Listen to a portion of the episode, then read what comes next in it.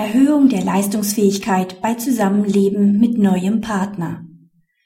Das Zusammenleben in einer häuslichen Gemeinschaft kann unter dem Gesichtspunkt ersparter Wohn- und Haushaltskosten die Leistungsfähigkeit des Unterhaltsschuldners steigern.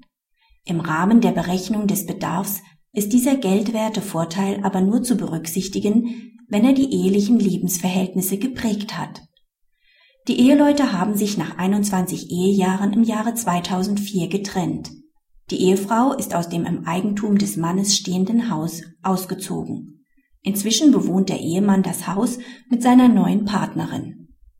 Das Amtsgericht hat aufgrund eines Gutachtens festgestellt, dass die Ehefrau erwerbsunfähig erkrankt ist und hat ihr Krankenunterhalt zugesprochen. Mit der Berufung wehrt sich der Ehemann unter anderem gegen die Berücksichtigung des Vorteils aus dem Zusammenleben beim eheprägenden Einkommen.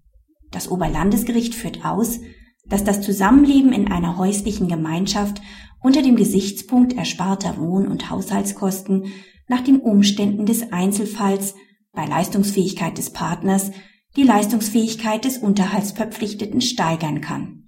Es verweist insoweit auf Nummer 6.2 der Leitlinien zum Unterhaltsrecht des Oberlandesgericht Hamm.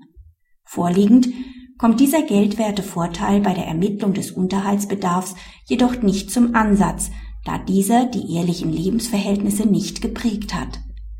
Im Rahmen der Begrenzung der Unterhaltshöhe stellt das Oberlandesgericht fest, dass die Leistungsfähigkeit des Ehemanns sich um die Vorteile aus dem Zusammenleben und dem gemeinsamen Wirtschaften mit der neuen Partnerin erhöht.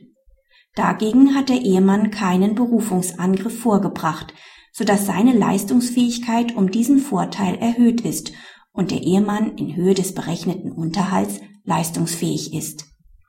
Praxishinweis. Nach einer Entscheidung des BGH muss dem Unterhaltsverpflichteten, der mit einem neuen Partner zusammenlebt, jedenfalls der Betrag verbleiben, der seinen eigenen Lebensbedarf nach sozialhilferechtlichen Grundsätzen sicherstellt